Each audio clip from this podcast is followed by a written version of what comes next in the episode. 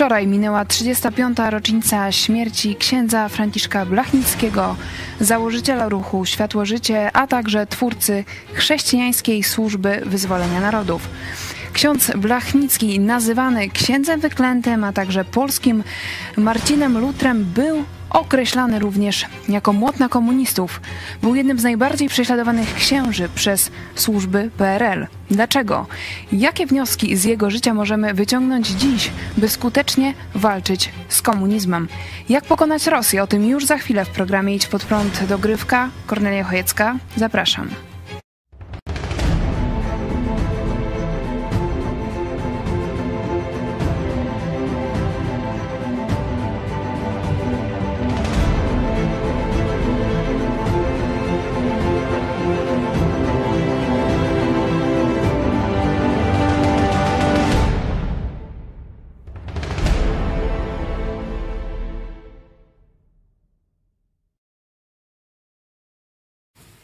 Witajcie w telewizji Idź Pod Prąd. Dziś naszym gościem jest dr Robert Derewenda, dyrektor Lubelskiego Instytutu e, Pamięci Narodowej, historyk Katolickiego Uniwersytetu Lubelskiego. Witam serdecznie. Witam serdecznie, dzień dobry Państwu. Ze mną w studio pastor Paweł Chojecki, redaktor naczelny naszej telewizji i również pastor Kościoła Nowego Przymierza w Lublinie. Witam Cię również. Witam bardzo serdecznie. Od kilku dni e, cały świat żyje inwazją Władimira Putina na Ukrainę. My zastanawiamy się również, czy Rosja rzeczywiście doprowadzi do e, trzeciej wojny światowej i w tym kontekście e, chciałam na początek zapytać, jaki był stosunek księdza Franciszka Dachnickiego do Rosji i do komunizmu? Przede wszystkim ksiądz Franciszek Blachnicki wierzył, że dobro zwycięży. Wierzył, że ten system, który, jak mówił, opiera się na kłamstwie, musi kiedyś upaść. On wierzył, że ten system upadnie w momencie, kiedy ludzie przestaną się bać. Czyli to kłamstwo utrzymywało się tak naprawdę na strachu, który został czy sparaliżował, można powiedzieć, masy ludzkie. Natomiast ksiądz Blachnicki zmierzał do tego, żeby ludzie przestali się bać, żeby wewnętrznie byli wolni. Jeżeli ludzie będą wewnętrznie wolni, mówił, to oczywiście ten system nie ma racji bytu, nie może się utrzymać, dlatego że ludzie w naturalny sposób opowiedzą się swoją postawą, obywatelskim nieposłuszeństwem przeciwko temu systemowi. I już na początku lat 80.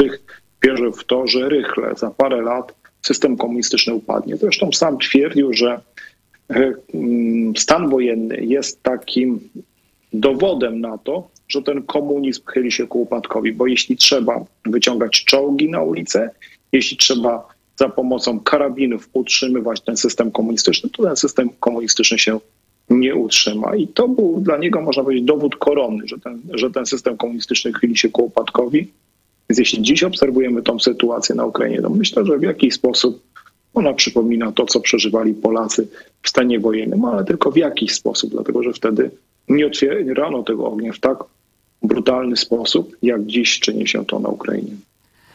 To rzeczywiście jest e, niezwykłe e, w życiu księdza Franciszka Dachnickiego, który był również więźniem Auschwitz, również był w więzieniu w Katowicach w latach 60. Był prześladowany e, przez komunistów, a mimo wszystko wierzył w to, że Imperium Sowieckie upadnie.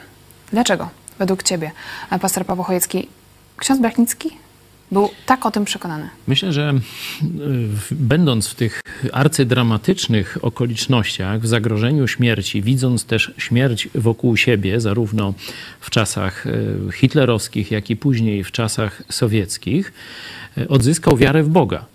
I to było kluczowym czynnikiem, dlaczego, dla, dla którego wierzył, że kiedyś osiągniemy zwycięstwo. Wiedział, że wielu może tego zwycięstwa nie doczekać. Wiedział, że sam może tego zwycięstwa e, nie doczekać, ale wiedział ze względu na to, że był pewny o istnieniu Boga, pewny zmartwychwstania Jezusa Chrystusa, pewny życia Chrystusa w każdym chrześcijaninie, to był jednocześnie Fabian, zwycięstwa nad kłamstwem, nad strachem. Wiedział, że to się musi kiedyś skończyć. Tak jak pan doktor powiedział, jeśli system oparty jest na czołgach i bagnetach, to on wcześniej czy później musi upaść. On będzie trwał, on będzie zabijał, mordował, straszył, ale w końcu upadnie. I tu ta analogia, do której też pan doktor się odwołał ze stanem wojennym, że komunizm w tej swojej ostatecznej, można powiedzieć, tej breżniewowskiej wersji, no sięgnął po narzędzia militarne i potem się skończył, jest myślę dobrą analogią do tego, co dzieje się dzisiaj na Ukrainie. Ten nowy Hitler, Putler go się nazywa w internecie, nie mógł pozwolić, żeby jedna z byłych sowieckich republik poszła w stronę Zachodu, żeby tam ludziom zaczęło się żyć lepiej, żeby tam się normalnie żyło, żeby tam też Ewangelia była głoszona, bo pozostałe sowieckie republiki by chciały tego samego i ten system by upadł. Stąd ta próba militarnego podporządkowania Ukrainy, która jak widzimy no już praktycznie się rozbiła o bohaterskie serca i dłonie Ukraińców.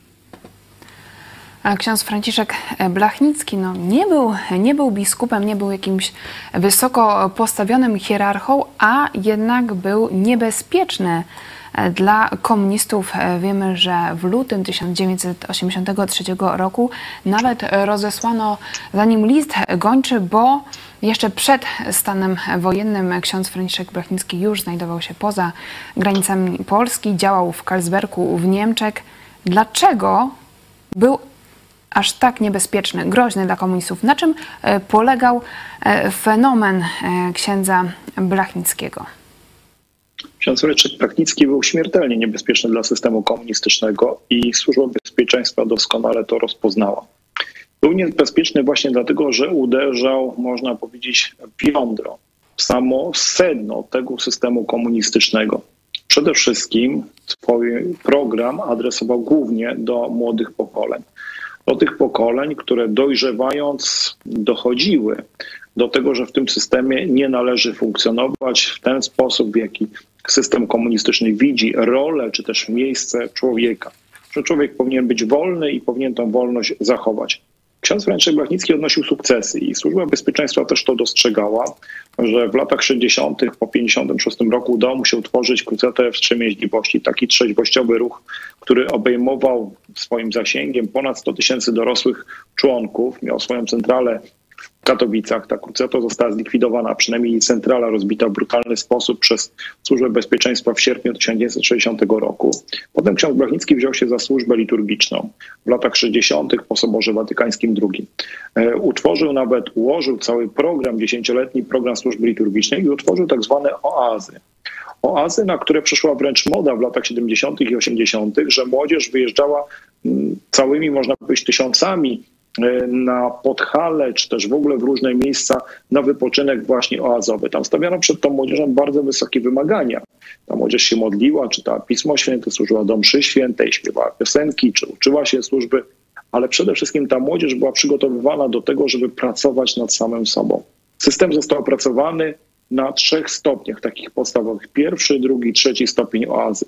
Na każdym stopniu wymagano pewnych sprawności od tej młodzieży, ale sprawności wewnętrznych, to znaczy młodzież przyjmowała Chrystusa jako Pana i Zbawiciela na pierwszym stopniu, potem na drugim stopniu e, wymagano na przykład e, tego, żeby podejmować już czy wchodzić w rolę animatora, czyli prowadzić pewne grupy. Wymagano również trzeźwości od tej młodzieży, a w końcu w 1979 roku nawet ksiądz Blachnicki rozpoczął tak zwaną drugą krucjatę, czyli wręcz deklarację, składano publiczną deklarację tego, że nie będzie się pić alkoholu, że się będzie abstynentem. To było bardzo ważne, dlatego że był to bardzo ważny, odważny gest wobec innych, że się zobowiązywało do, takiego, do takiej abstynencji. To usprawniało tych ludzi. Usprawniało i w momencie, kiedy przyszły lata Solidarności w latach 80., Blachnicki był z tego dumny, kiedy jesienią roku 1981 były liczne strajki studenckie w Lublinie.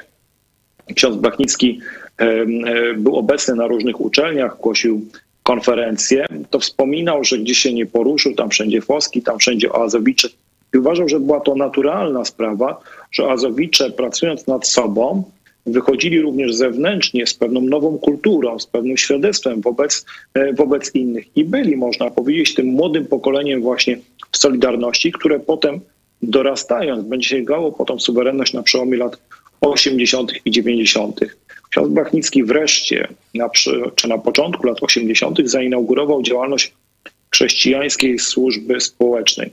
To była organizacja, powiedzmy, no, organizacja sensu stricto właściwie polityczna, dlatego że posiadająca ambicje polityczne, jak ksiądz Blachnicki nie chciał tworzyć partii politycznej, czyli nie chciał być partykularny, o tyle stawiał sobie za cel, że Azowicze będą posłami, będą ministrami. To głęboka komuna.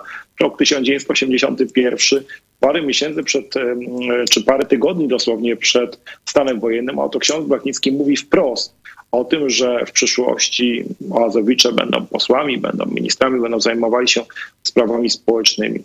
Nie udało mu się tej chrześcijańskiej służby społecznej rozwinąć w Polsce. Tuż przed stanem wojennym wyjechał na zachód i w całkiem przypadkowy sposób znalazł się na zachodzie, ale rozwinął tą chrześcijańską służbę społeczną, przekształcając ją w chrześcijańską służbę wyzwolenia narodów na zachodzie, ponieważ zauważył, dostrzegał to, że trzeba patrzeć szerzej, że nie tylko i wyłącznie trzeba patrzeć na wyzwolenie Polaków, ale trzeba patrzeć na wyzwolenie wszystkich narodów ujarzmionych w systemie pojałtańskim, nie tylko tych, które posiadają państwo, własną państwowość, jak choćby Polacy, Czesi czy, czy Węgrzy, ale również na te narody, które tej państwowości zostały pozbawione, jak Łotysze, Estończycy, Litwini, Białorusini, Ukraińcy.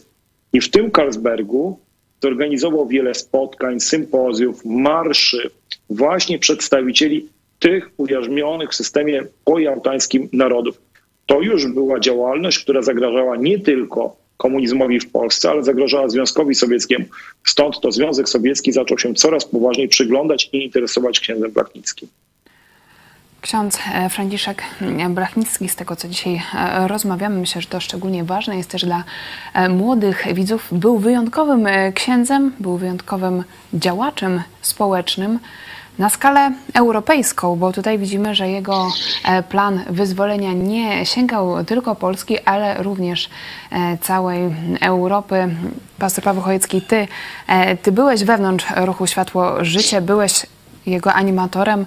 Działałeś e, w nim w latach 80. Na czym według Ciebie e, polegał fenomen księdza Blachnickiego? Dzisiaj mówimy e, szczególnie w kontekście tego, że był aż tak zagorzałym antykomunistą. No myślę, że ksiądz Blechnicki potrafił rozpoznać działanie Boga bardzo trafnie, czyli znał swój naród, znał Polaków, szczególnie młodych, i orientował się, jakie są aktualnie możliwości działania, czyli w tej głębokiej, jeszcze praktycznie stalinowskiej e, komunie, to były niewielkie możliwości, ale już tak jak pan doktor powiedział, w ramach tej mm, krucjaty czy trzeźwości, czy e, służby liturgicznej, to jednak już na nawet wtedy dawało się tę młodzież organizować i w jakiś sposób formować ku dobremu, żeby nie ulegała ateizacji i komunizacji. Potem to spotkanie, do którego się tak często odwołujemy z Joe Łosiakiem, czyli z protestanckim misjonarzem, który dołożył do tej organizacji, którą już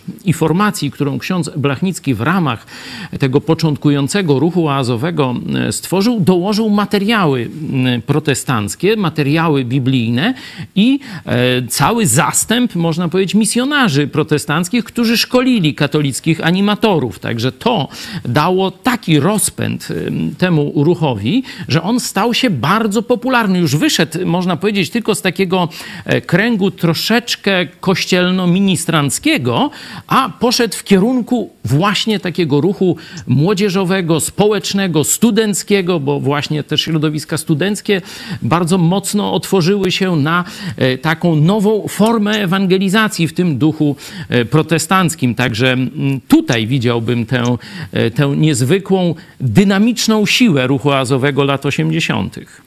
E, do spotkania Joe Łosiaka z księdzem Franciszkiem Blachnickim e, doszło e, w połowie lat 70. My w grudniu zeszłego roku mieliśmy okazję porozmawiać na żywo z Joe Łosiakiem. Pokażmy fragment tej rozmowy, gdzie Joe Łosiak mówi o tym, że ksiądz Franciszek Blachnicki w pewnym momencie został zatrzymany ksiądz Blachnicki rozumiał wiele te rzeczy do pewnego, do jakiegoś większego stopnia. I, i on, on, on oczywiście chciał, żeby z, z, od dołu zmienić Kościoła katolickiego i zrobił co mógł. On był zatrzymany. On był zatrzymany. Ewentualnie. myśli biskupów czy komunistów? Czy jednych ja, ja, bym, ja obiecywałem człowieka, który zna, żeby nie mówić kogo, ale bardzo wysoko. Był, już powiedzieli, dalej nie może się iść, to jest, e, to co zrobiło się jest dobrze, ale e, on, on, ksiądz Blachnicki chciał jeszcze mieć zakon e, swój osobisty, kołazowy i, i to był zatrzymany. Nie, nie było pozwolone. Joe Łosiak, współpracownik księdza Blachnickiego, mówi o tym, że ksiądz miał nawet takie ambicje, żeby założyć własny zakon, ale został zatrzymany. Rzeczywiście no, widać, że miał wielkie ambicje. E, coraz więcej e, osób w Polsce było poruszonych e, przesłaniem, było poruszonych ruchem Światło-Życie, ale wiemy, że niestety ksiądz Franciszek Blachnicki zmarł nagle w roku 1987. Dr Robert Derewenda. Jak pan rozumie te słowa Joe Łosiaka, że ksiądz Franciszek Blachnicki został zatrzymany? Ksiądz Franciszek Blachnicki zdawał sobie z tego sprawę już w Karlsbergu, że czyni bardzo wiele, nie mniej niż w Polsce, jednak coś nie idzie. Mm, można powiedzieć, że przeżywał to wewnętrznie, bardzo przeżywał. Nie rozumiał, czemu pewne działania nie idą, natomiast czuł, że one nie idą. Czuł, że nie może rozwinąć działalności wydawnictwa Maksymilianów w Karlsbergu, że nieustannie piętrzą się jakieś problemy, to finansowe, to jakiegoś innego typu.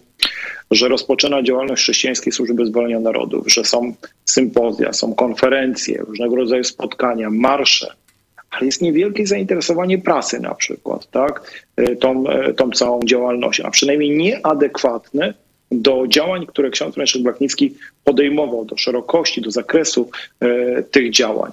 E, czuł pewne blokady. Można powiedzieć, że tego nie był w stanie wtedy zrozumieć, natomiast my już dzisiaj wiemy więcej na ten temat. Wiemy, że był blokowany chociażby przez Służbę Bezpieczeństwa, przez różnego rodzaju agenturę, która działała wokół księdza Franciszka Blachnickiego i był stale nie tylko infiltrowany, bo był infiltrowany właściwie od lat 60. od swojej, czy nawet od lat 50. od swojej działalności, natomiast był również rzeczywiście tutaj powstrzymywany, hamowany. Natomiast ksiądz Franciszek Blachnicki sam, sam siebie nie zatrzymywał nie powstrzymywał. On nieustannie podejmował działania i na przykład współpracę, którą rozpoczął z ruchem Agape, z tym ruchem protestanckim jeszcze w latach 70. w Polsce, on ją kontynuował dalej, kontynuował w Karlsbergu. E, chrześcijańską służbę społeczną, którą zainaugurował na jesieni 81 roku w Polsce. On rozwinął tą chrześcijańską służbę wyzwolenia narodów w Karlsbergu. Działalność programową ruchu oazowego, o ile ułożył pierwsze trzy stopnie, tą tak zwaną formację podstawową w Polsce, o tyle rozwinął w Karlsbergu w formie szkoły animatora, którą prowadził do niewielkiej grupy. To byli głównie Boliwijczycy, ludzie, którzy, którzy tworzyli tam oazy właśnie w Boliwii Natomiast ksiądz Franciszek Blachnicki nie mówił tylko do tej małej grupy w Karlsbergu. On wiedział, że mówi do całej oazy w Polsce i to nawet nie w tym momencie, ale w kolejnych latach. Dlatego, że to jego, to jego nauczanie, te konferencje, te spotkania ze szkoły animatorów zostały zarejestrowane i one współcześnie służą właśnie rozwojowi ruchu azowego. Dzisiejsze hasło ruchu azowego na ten rok 2022 to jest życie w świetle to jest hasło, które przyświecało księdzu Franciszkowi Blachnickiemu w ostatnich latach jego życia. O ile wcześniej mówił najczęściej o świetle i życiu, czy światło życie, światło, które przenika życie, światło Boże, światło Jezusa, które przechodzi przez życie człowieka i w ten sposób kształtuje to życie człowieka. O tyle w ostatnich latach swojego życia mówił o życiu w świetle, o tych ludziach, którzy są już formowani którzy już przyjęli Jezusa jako swojego Pana i Zbawiciela i którzy już chodzą w świetle, czyli tworzą pewną nową społeczność, tworzą nową kulturę. I to jest właśnie hasło tego roku. Hasło poprzedniego roku e, formacyjnego w ruchu azowym to prawda, krzyż, wyzwolenie. To hasła, które księdzu Blachnickiemu przyświecały w ostatnich latach jego działalności, bowiem ksiądz Blachnicki dostrzegł i o tym mówił, że poprzez poznanie prawdy możemy dojść do wyzwolenia, ale droga wiedzie przez krzyż, przez poświęcenie. To coś, co jest również dzisiaj aktualne i coś, o czym mówi się w oazie, to są inspiracje, które oaza czerpie właśnie z tych ostatnich lat nauczania księdza Blachnickiego, a to nauczanie tak naprawdę, powiedzmy sobie, było kierowane do grupy, do kilkudziesięciu, do może paruset osób, gdy tymczasem ruch oazowy rozwijał się w dziesiątkach tysięcy w kraju. Ale teraz czerpiemy właśnie z tego nauczania księdza Blachnickiego.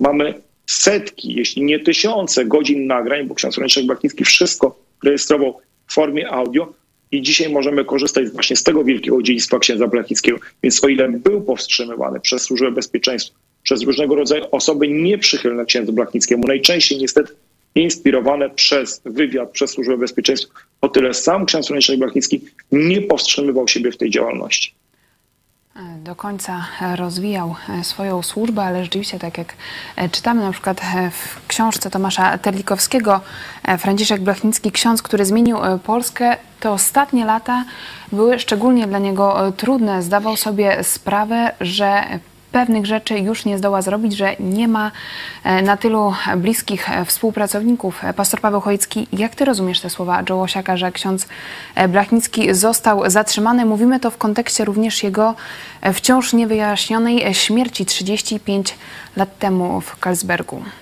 No tu nakłada się historia drugiego z wielkich polskich duchownych katolickich, mm, księdza Jerzego e, Popiełuszki, który również podobnie mm, no, raportował, e, jeśli chodzi o rozwój swojej służby. Oczywiście był po, powstrzymany przez agenturę komunistyczną, był śledzony, w końcu zamordowany, prawdopodobnie przez Rosjan. Polacy im go tylko wydali, e, ale wspomina też spotkania ze swoim przełożonym, można powiedzieć, z prymasem Glempem. I jasno wtedy mówił, że te przesłuchania, te poniżania, jakich doświadczył e, przy, przez, e, w, w trakcie przesłuchań mm, służby bezpieczeństwa były niczym e, z poniżaniem, jakiego doświadczył od księdza arcybiskupa prymasa Glempa. E, także myślę, że tutaj tu zasoby IPN-u są pełne przecież teczek najwyższych duchownych katolickich. E, tutaj też komuniści mieli siłę oddziaływania na powstrzymanie takich ludzi jak ksiądz Blachnicki czy ksiądz Popiełuszką za pomocą swoich załóżników w sutannach, a nawet pełniących funkcję biskupów. Także tak bym odczytywał te słowa Jołosiaka. Wiemy, że w kwietniu 2020 roku pion e, śledczy IPN w Katowicach postanowił podjąć umorzone śledztwo w 2006 roku e, dotyczące okoliczności śmierci e, księdza Franciszka Dachnickiego, ale wciąż no, nie mamy takich jasnych dowodów na to, co wydarzyło się 35 lat temu, jaka była prawdziwa e, przyczyna śmierci księdza Franciszka Blachnickiego, ale chciałam Was zapytać o to, jak dzisiaj e, możemy kontynuować e, tą misję, to marzenie Franciszka Blachnickiego, żeby wyzwolić Polskę, ale żeby wyzwolić również inne państwa Europy Środkowo-Wschodniej.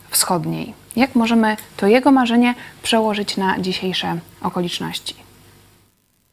Może pierwsza rzecz, gdzie się rozwija ruch oazowy poza granicami Polski? Głównie rozwija się właśnie na Ukrainie. To tam mamy cały szereg oazowiczów, młodzieży, ale również kręgów rodzinnych domowego kościoła, które również tworzą ruch Światło-Życie. W Grudku, e, e, na, na Ukrainie, w wielu innych miejscach mamy bardzo wiele miejsc, w których rozwija się właśnie ten ruch oazowy. Kiedyś będąc na Podolu, będąc w Kamieńcu Podolskim, poszedłem na godzinę 18 na mszę święta.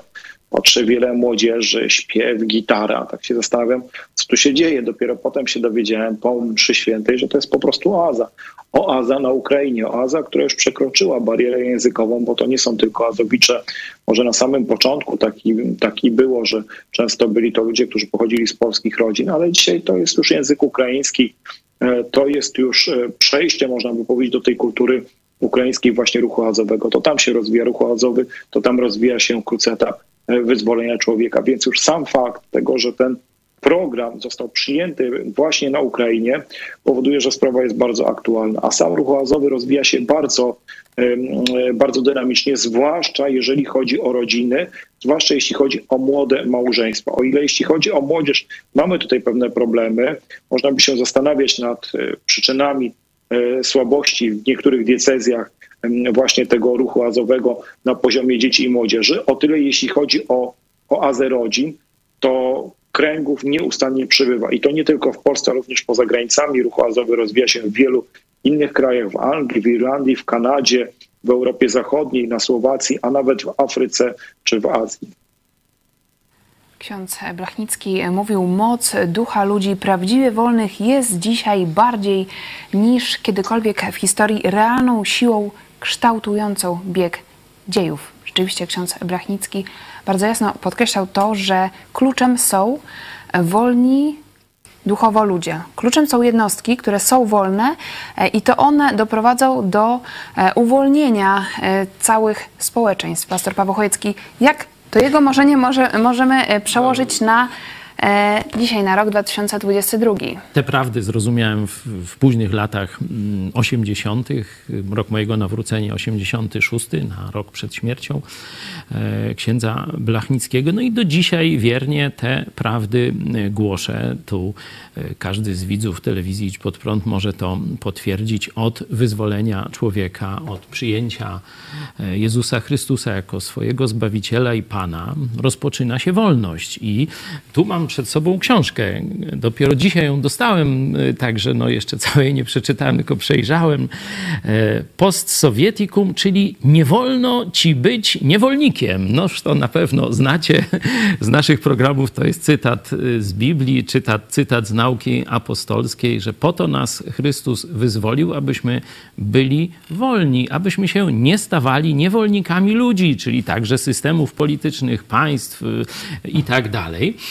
Stąd trzeba dalej to głosić. To robimy. Cieszę się, że też ruch oazowy e, tak dynamicznie się rozwija. Dzisiaj no, mam mniejszy kontakt z tym środowiskiem, stąd nie wiedziałem o tych międzynarodowych sukcesach. Gratuluję i cieszę się. Dziękuję, że pan doktor nam o tym opowiedział. A ja przeczytam wam ostatni punkt takiej deklaracji z Karlsbergu z 1982 roku bo aż się zdziwiłem, że ja dzisiaj mówiłem o tym w programie o 13, a tu czytam dokładnie to samo, punkt 10. Wreszcie ostatnim wymogiem globalnej strategii wyzwolenia Polski jest oddziaływanie na rządy zachodnie, szczególnie na rząd Stanów Zjednoczonych w celu przekonania ich, że walka ideologiczna względnie duchowa. Z sowieckim systemem zniewolenia narodów ma znaczenie kluczowe, większe i bardziej decydujące niż środki militarne, gospodarcze oraz polityczne. E, no to mówiłem i wczoraj, i dzisiaj, i tam prawie każdego dnia. Cieszę się, że akurat no, dzisiaj przeglądając tylko tę książkę od razu trafiłem na ten fragment. Dokładnie taki był e, de depozyt, e, można powiedzieć dziedzictwo, te, to co chciał przekazać ksiądz Blachnicki w tej deklaracji. Jasno jest to uwiecznione, że Zachód musi zrozumieć, że to Ewangelia Jezusa Chrystusa wyzwala, nie tam czołgi. One oczywiście dobrze, żeby były i to, no bo odpowiednich ilościach, ale e, siłą Zachodu, siłą cywilizacji chrześcijańskiej jest Jezus Chrystus. Podsumowując dzisiejszą e, rozmowę, patrząc na e, dziedzictwo księdza Franciszka Blachnickiego, jak pokonać Rosję. Dzisiaj wielu Polaków aktywnie angażuje się w pomoc Ukraińcom, ale Myślę, że dzisiaj e, też z perspektywy takiej filozoficzno-duchowej warto to podsumować. Jak skutecznie pokonać Rosję? Myślę, że naród polski już wykonał ogromną pracę, bowiem nie byliśmy zniewoleni w tych działaniach w pierwszych godzinach czy w pierwszych dobach. Proszę zwrócić uwagę, że różniliśmy się w tym względzie na wielu płaszczyznach od innych to znaczy, że stać nas było na pewne gesty i na pewną realną działalność, to znaczy na odważną działalność. Przyjścia z pomocą Ukrainie, zrezygnowania z meczy rozgrywanych z Rosją, e, otwarcia na tą pomoc e, na Ukrainie, Więc rzeczywiście można powiedzieć, że ksiądz Franciszek Blachnicki z jednej strony był nauczycielem wolnych ludzi, z drugiej zaś strony wychowywał ludzi, o których mówił, że są wolni i wyzwalający. To znaczy, że ci ludzie wolni wyzwalali innych. Proszę zwrócić uwagę, że postawa Polski e, e, wywołała postawę innych narodów, które również zaczęły zachowywać się podobnie do postawy Polaków. To bardzo ważne, że właśnie ludzie wolni potrafią wyzwalać innych i dają ten przykład i tworzą nowe fakty. Ukraina znajduje się w sytuacji bardzo trudnej, tragicznej, ale jednak świat się otwiera na Ukrainę i świat pomaga tej Ukrainie i każdy z nas właściwie może pomagać w najróżniejszy sposób. Ale najważniejsze, co jest, my się nie boimy Władimira Putina, my się nie boimy Rosji, my się koncentrujemy na pomocy Ukrainie i na pomocy Ukraińcom. I rzeczywiście myślę, że to jest e, też takie niezwykłe dla nas, że w końcu możemy być dumni e, z naszego kraju, ale też dumni z tego, jak my zachowujemy się w obliczu, kiedy ktoś jest atakowany. Pastor Paweł Chojecki, jak pokonać Rosję? Pan doktor już w pierwszej wypowiedzi, opisując dziedzictwo księdza Franciszka Blachnickiego, wspomniał jego właśnie ten kluczowy przekaz. Siłą komunizmu jest kłamstwo i nasz strach. Stąd walką z komunizmem najskuteczniejszą jest prawda i odwaga. To wszystko znajduje się w Jezusie Chrystusie. Bez prawdy Jezusa Chrystusa będziemy żyli tylko po omacku, będziemy mieli tylko część poznania. Początkiem mądrości, początkiem wiedzy, początkiem rozumu jest poznanie świętego, poznanie Jezusa Chrystusa a odwaga jest owocem Ducha Świętego. Każdy z nas sam z siebie jest raczej tchórzliwy, no przynajmniej ja o sobie mogę tak powiedzieć, ale Chrystus w nas to jest nadzieja chwały przyszłej ale i odwaga tu i teraz. Dlatego tak wielu Ukraińców e, wymknęło się, można powiedzieć, tym wszystkim opracowaniom geostrategicznym, geopolitycznym, mentalnym, bo większość przepowiadała, że to jeszcze nie jest naród i że to nie jest naród odważny. Ale ja mówiłem, że chrześcijanie ukraińscy zrobili lepszą robotę niż chrześcijanie polscy. Jeśli chodzi o nasycenie Ewangelią, e, to Ukraina przoduje nad Polską dzisiaj. I to dało, zobaczcie, efekt, kiedy ruskie wojska, no, rus, moskiewskie wojska weszły na Ukrainę. Przywitały ich, można powiedzieć, lufy odważnych ludzi, lufy karabinów, odważnych ludzi, którzy nie dali się zastraszyć, którzy nie ulegli kłamliwej propagandzie. Wielu z nich to biblijni chrześcijanie. My w telewizji Idź Pod Prąd e, zachęcamy oczywiście oprócz e, tego wsparcia takiego materialnego również do modlitwy za Ukrainę, za e, chrześcijan na Ukrainie. Bardzo dziękuję za dzisiejszą rozmowę. Był z nami dyrektor Lubelskiego Instytutu Pamięci Narodowej dr Robert Derewenta. Bardzo dziękuję. Dziękuję bardzo. I pastor Paweł Chojecki. Dziękuję Ci również. Dziękuję. My e, mówimy I o... polecam tę książkę. Będę dalej czytał i Was tu uświadamiał, naszych widzów, jeśli będziecie chcieli nas oglądać. Naprawdę widzę, że to jest ciekawa sprawa. E, jeszcze nie miałem okazji zapoznać się z, z takim właśnie tym całościowym przekazem politycznym księdza Blachnickiego, a widzę tu bardzo dużo ciekawych rzeczy. Już zamawiajcie, jeśli możecie. Mam nadzieję na e, kontynuację dzisiejszej rozmowy. Ja tylko przypomnę, że nasza telewizja utrzymuje się tylko i wyłącznie z wpłat naszych widzów. Dzisiaj ostatni dzień lutego i z tego co wiem, do tego naszego celu tysiąca gitar, tysiąca wpłat na telewizję Idź Pod Prąd w jednym miesiącu e, brakuje kilkadziesiąt osób. Także zachęcamy Was. Szczegóły na stronie ispodprat.pl wsparcie. Po programie puścimy krótki przewodnik, jak wesprzeć naszą telewizję. My codziennie informujemy teraz o tym, co dzieje się na Ukrainie. E, także, tak jak mówiłeś wcześniej w naszych programach, siła również jest w mediach społecznościowych. Tam również, można powiedzieć, rozgrywa się walka. Nie tylko militarnie, ale również w internecie. Dziękuję. Wolny świat wygrywa wsparcie. tę walkę. E, tak zwane ruskie trole już chowają się po krzokach. E, bardzo dziękuję za uwagę. To był program Idź pod prąd, dogrywka. Kornelia Chojecka. Do zobaczenia.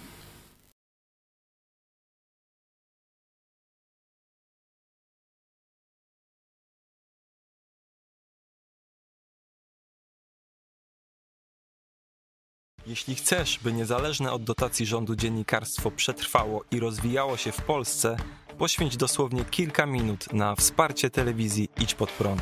Nasza telewizja utrzymuje się dzięki comiesięcznemu wsparciu widzów. Jeśli uważasz, że rzetelnie spełniamy swój dziennikarski obowiązek, codziennie zapewniając Ci informacje, komentarze, analizy, a także sporą dawkę humoru, zachęcamy Cię do wsparcia naszej telewizji.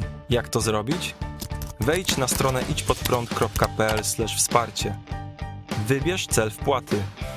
Możesz jej dokonać przez DotPay, PayPal, Blik lub tradycyjnym przelewem z tytułem darowizna. Gramy i gnamy dalej.